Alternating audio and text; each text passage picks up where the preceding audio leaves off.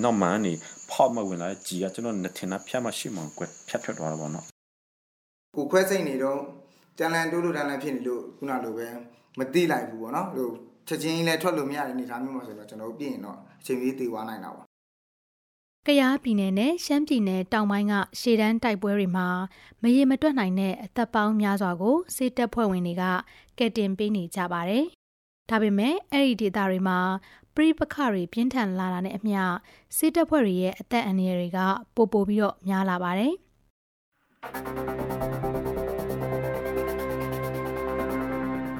မင်္ဂလာပါရှင်။မြန်မာနိုင်ငံတဝမ်းမှာရှိတဲ့လူခွင့်ရေးနဲ့ပတ်သက်တဲ့အကြောင်းအရာတွေကို တင်ဆက်ပေးနေတဲ့ဒို့အတန်အပတ်စဉ် podcast အစီအစဉ်ကနေကြိုဆိုလိုက်ပါတယ်။ဒီအစီအစဉ်ကို Foundation Hero တဲကကူညီပံ့ပိုးပေးထားတာပါ။ဒီတစ်ပတ်အစီအစဉ်ကိုတော့ဒို့အတန်ရဲ့အလွတ်တန်းသတင်းတောက် မျိုးဆက်လှတော်ကရေးသားထားပြီးတော့ဒို့အတန်ဖွဲ့သားတွေကဆက်လက်တင်ဆက်ပေးသွားမှာပါ။ဆောင်းမအတွင်လုံခြုံရေးအခြေအနေတွေကြောင့်နာမည်တွေကိုပြောင်းလဲအသုံးပြုထားပါတယ်ရှင်။လျောက်လျောက်ထလျောက်ထလျောက်ထလျောက်ထအဲ့တော့လည်းလည်းနေကြည့်တော့ချက်ကြကျွန်တော်ကလည်းပြအဲ့နောက်မှန်နေ query ပေါ့နော်ဆိုတော့ဒီ ship နောက်မှန်နေ pop မဝင်လာကြီးကကျွန်တော်နေထင်တာဖြတ်မှ ship မှ query ဖြတ်ထွက်သွားတာပေါ့နော်ဒါမျိုးတွေအနိကကြုံရတယ် မိုးပြဲမြို့ညောင်ဝိုင်းရက်ကွက်မှာဧပြီလ26ရက်နေ့ကတိုက်ပွဲတွေပြင်းထန်နေခဲ့ပါတယ်။မိုးပြဲ Rescue Team တာဝန်ခံကိုမျိုးအောင်ကသူတို့အဖွဲ့နဲ့အတူအဲ့ဒီတိုက်ပွဲကြားမှာရှိနေခဲ့တာပါ။သူတို့အဖွဲ့ဟာလက်နက်ကြီးလက်နက်ငယ်အန်ဒီတွေကြားမှာလူနာရဲဘော်တွေကိုအသက်ဆွပြီးတွားရောက်ကယ်ဆယ်ခဲ့ပါတယ်။ဒါကကိုမျိုးအောင်တို့အဖွဲ့အပါအဝင် တခြားရှေ့တန်းစီးအဖွဲ့တွေရဲ့နေတဲ့သူဝါကြုံနေကြလို့ဖြစ်လာခဲ့ပါတယ်။ အရင်ကကိုမျိုးအောင်ဟာလေသမားတယောက်ပါ။ရှမ်းပြည်နယ်တောင်ပိုင်းဖဲခုံမြို့နယ်သားတယောက်လည်းဖြစ်ပါတယ်။2021ခုနှစ်ဖေဖော်ဝါရီလစစ်အာဏာသိမ်းပြီးတဲ့နောက်မှာတော့မိုးပြဲသပိတ်ကော်မတီမှာပါဝင်ခဲ့ပါတယ်။2021ခုနှစ်မေလမှာတော့ဒီဈေးအဖွဲ့ဖွဲ့ဖို့အခြေအနေဖြစ်လာခဲ့တာပါ။ဒီ movie စကန်တင်တိုက်ပွဲမှာပဲကျွန်တော်စဆွဲတယ်တပိတ်တော့ကျွန်တော်တို့စီနေငယ်ကုစုထောင်းထားတာရှိတယ်တပိတ်မှာတန်ရရခဲ့ရင်ကျွန်တော်တို့ဒီကုတာတာနိုင်အောင်ကျွန်တော်တို့အဲ့ တပိတ်မှာလည်းကျွန်တော်တို့အပြုခွင့်ခံရတာနှစ်ခါရှိနှစ်ခါရှိခဲ့တော့နော်ဆိုတော့အဲ့ဒါအကြောင်းကျွန်တော်တို့အဲ့စီကုထားကုတာတဲ့စီနေပဲကျွန်တော်တို့စခဲ့ခဲ့တယ် movie yes ခါမှာအဲ့တော့လည်းကျွန်တော်တပိတ် committee ထဲမှာပါတဲ့လူတယောက်ကကျွန်တော်တို့ဟိုခံဆူဆွမ်းနေကျွန်တော်မကယ်ထုတ်နိုင်ခဲ့ဘူးဟောစတကယ်ကိုအဲကျွန်တော်တို့ကဒီ fire zone ထိရောက်တယ်ဒါပေမဲ့တကယ် deadly zone မှာရောက်နေတဲ့လူကျွန်တော်တို့ဂျားမှာခက်ခဲကြောက်ကွင်းပြင်းဖြစ်နေတော့ကျွန်တော်တို့မကယ်ထုတ်နိုင်ခဲ့ကျွန်တော်တို့တပိတ် committee တယောက်ပါ ဆိုတော့သူကကြာဆုံးသွားတယ်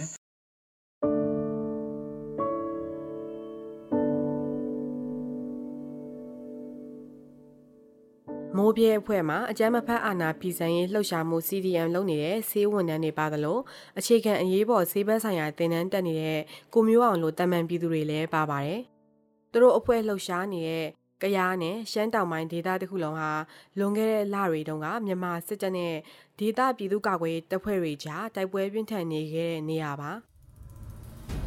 2023ခုနှစ်ပထမ6လအတွင်းမှာတင်ကရားပြည်နယ်အတွင်းလေကြောင်းတိုက်ခိုက်မှုပေါင်း388ခုရှိခဲ့တယ်လို့ Progressive Granny People Force ကနေဩဂတ်စ်လအတွင်းထုတ်ပြန်ခဲ့ပါတယ်။ဒါဟာပြီးခဲ့တဲ့နှစ်ထက်နှစ်ဆပိုများလာခဲ့တာပါ။ ISP မြန်မာရဲ့အချက်လက်ကိုကြည့်ပြန်ရင်လည်းစစ်တပ်နဲ့ တိုင်းရင်းသားလက်နက်ကိုင်ဒါမှမဟုတ်ဒေသကာကွယ်ရေးတပ်ဖွဲ့တွေရဲ့မြေပြင်တိုက်ပွဲပေါင်း250နီးပါးရှိခဲ့ပြီး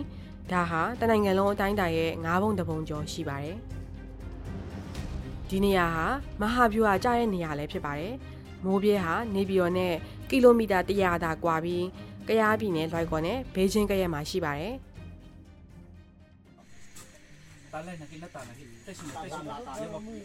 ရက်ဆက်ဖြစ်နေတဲ့တိုက်ပွဲတွေမှာဒီတစ်ခါဖဲခုံမြို့နယ်တွေကပဲမိုးပြဲအနောက်မြောက်ပိုင်းကတောင်ဆလုံးရွာမှာပါ။မြေကြီးပေါ်ဖြန်ခင်းထားတဲ့ဝါတာဘလူးအစိမ်းအောင်ပေါ်မှာဒဏ်ရာရလူနာတွေလဲနေကြပါတယ်။စီးသွင်းမှုလိုအပ်တဲ့အိတ်ကိုလူတစ်ယောက်ကကင်ပေးထားပြီးတော့ခေါင်းအစာအိမ်နဲ့လက်မောင်းဒဏ်ရာရတာတဲ့ KNDF ရဲဘော်တူကိုဒေါက်တာအုပ်နဲ့အတူဆေးဝန်ထမ်းတွေကအားသွန်ခွန်ဆိုင်ကုသပေးနေပါတယ်။ အရေးပေါ်လူနာကိုလိုအပ်တဲ့ကုသမှုတွေပေးပြီးတဲ့နောက်မှာဆေးရုံကိုအချိန်မီလွှဲနိုင်ခဲ့လို့လူနာကတော့အသက်ဘေးကနေလွတ်မြောက်သွားခဲ့ပါတယ်။အဲ့ဒီနေ့ကဒေါက်တာအုပ်ရဲ့ဝိဇာဆေးအဖွဲ့ကနေပြည်သူ့ကာကွယ်ရေးတပ်ပေါင်းစုရဲ့ဒဏ်ရာရသူ16ယောက်ကိုကုသပေးခဲ့ရပါတယ်အသက်30ဝန်းကျင်အရွယ် CDM ဆရာဝန်ဒေါက်တာအုပ်ဦးဆောင်တဲ့ဝိဇာဆေးအဖွဲ့ကို2022ခုနှစ်စက်တင်ဘာလမှာစတင်ဖွဲ့စည်းခဲ့တာဖြစ်ပါတယ်။ သူတို့အဖွဲ့ကဒေသမှာရှိတဲ့ရွာသားတွေနဲ့စစ်ရှောင်းတွေကိုဆေးကုပေးပေမဲ့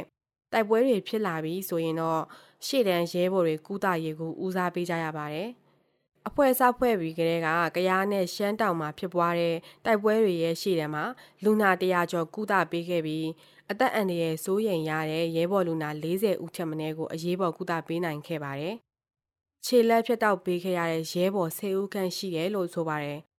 အဲ့ဒီတဲကမှအခက်အခဲဆုံးကုသပေးခဲ့ရတာတခုကိုတော့ဒေါက်တာအုပ်ပြပြတဲ့တင်မှတ်မိနေစေပါ။ဘိုက်ကိုလက်နက်ကြီးချိပြီးသွေးပောင်လုံးဝမရှိတော့တဲ့ PDF ရဲဘော်တယောက်ကုခဲ့ရတော့ကပေါ့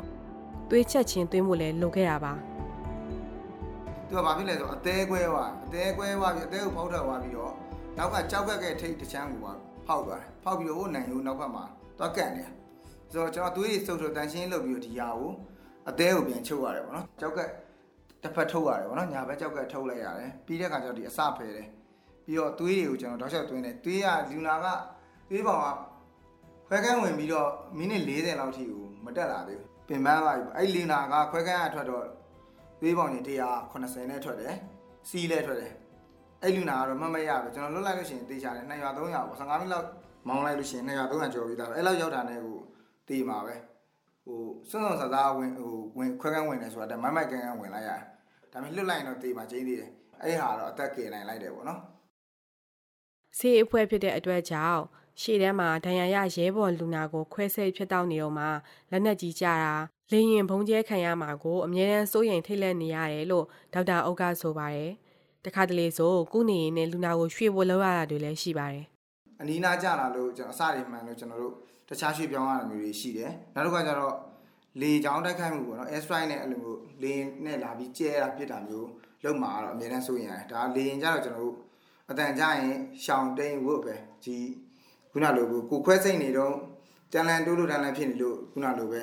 မသိလိုက်ဘူးပေါ့နော်ဟိုချက်ချင်းလည်းထွက်လို့မရတဲ့အနေအထားမျိုးမှာဆိုတော့ကျွန်တော်တို့ပြင်တော့အချိန်ကြီးတည်သွားနိုင်တာပေါ့ရှေ့တန်းမှာတော့တက်နေရတော့အချိန်ကြီးရှိတယ်လေချောင်းပေါ့အဓိကလေချောင်းနဲ့လက်နက်ကြီးကြောက်ရတယ်ပေါ့ ဒီဒေသမှာပြီးခဲ့တဲ့ဧပြီလကစလို့ရှေ့တန်းဆေးမှုအ ਨੇ ဆုံး9ဦးအသက်ဆုံးရှုံးခဲ့ရပါတယ်ဧပြီလ9ရက်နေ့မှာစစ်ကောင်စီရဲ့လေကြောင်းတိုက်ခိုက်မှုကြောင့်ဖဲခုံမြို့နယ်တောင်စလုံးကျွေးရွာအနီးရှေ့တန်းစစ်မြေပြင်မှာဆေးကုသနေတဲ့ကိုမျိုးအောင်တို့မိုးပြဲ rescue တီးရဲ့ဒူနာပြုတူအသက်ဆုံးရှုံးခဲ့ရပါတယ်။မေလ29ရက်နေ့မှာလည်းတောင်စလုံးကျွေးရွာနဲ့ကပ်ရက်ဖဲခုံမြို့နယ်လက်တင်ကျွေးရွာအနီးမှာစစ်ကောင်စီကတိုက်လေရင်နဲ့ဘုံချဲချတာကြောင့် အဲ့ဒီနေရာမှာရှိနေတဲ့ဒီမော့ဆို medic unit ကအဖွဲ့ဝင်၄ဦးသေဆုံးခဲ့ပါတယ်။ဘယ်အခြေအနေမျိုးမှမဆိုဆေးဘက်ဆိုင်ရာအဆောက်အုံတွေဒါမှမဟုတ်ဆေးဝန်ထမ်းတွေကိုတိုက်ခိုက်ခြင်းမပြုရဘဲဒဏ်ရာရအဖျားနာနေသူတွေကိုအကာအကွယ်ပေးရမယ်လို့ Geneva Convention သဘောတူညီချက်တွေမှာပြဋ္ဌာန်းထားပါတယ်။ဒါပေမဲ့မြန်မာနိုင်ငံတော်မှာတော့ဒီလိုဖြစ်ရပ်တွေတိုးလာတာကို Insecurity Insight ကအချက်လက်ပြုစုထားပါတယ်။2022ခုနှစ်တစ်နှစ်အတွင်း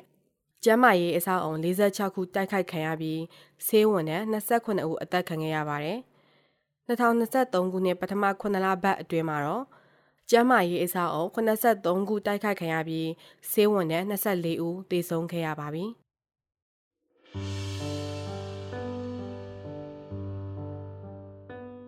ရှေ့တန်းသွားရင်ဆေးမှုတွေကအကာအကွယ်အဖြစ်အ ਨੇ ဆုံး helmet အုပ်ထုပ်နဲ့ကြီးကအင်ဂျီတွေဝတ်ကြပါတယ်။ ပြီးတော့သူတို့နေတဲ့နေရာပတ်လည်မှာလည်းဘုံခိုခြင်းတူထားကြရပါတယ်။တစ်ချက်မှတော့ငြိမ်ငြိမ်မနေကြရပါဘူး။ဆေးအဖွဲ့တွေဟာသူတို့အသက်တွေနဲ့ရင်ထားရယုံတာမကပဲဆေးကုသရေးအတွက်ရန်ပုံငွေရရေးတိုက်ပွဲလဲဝင်နှွှဲနေကြရတာပါ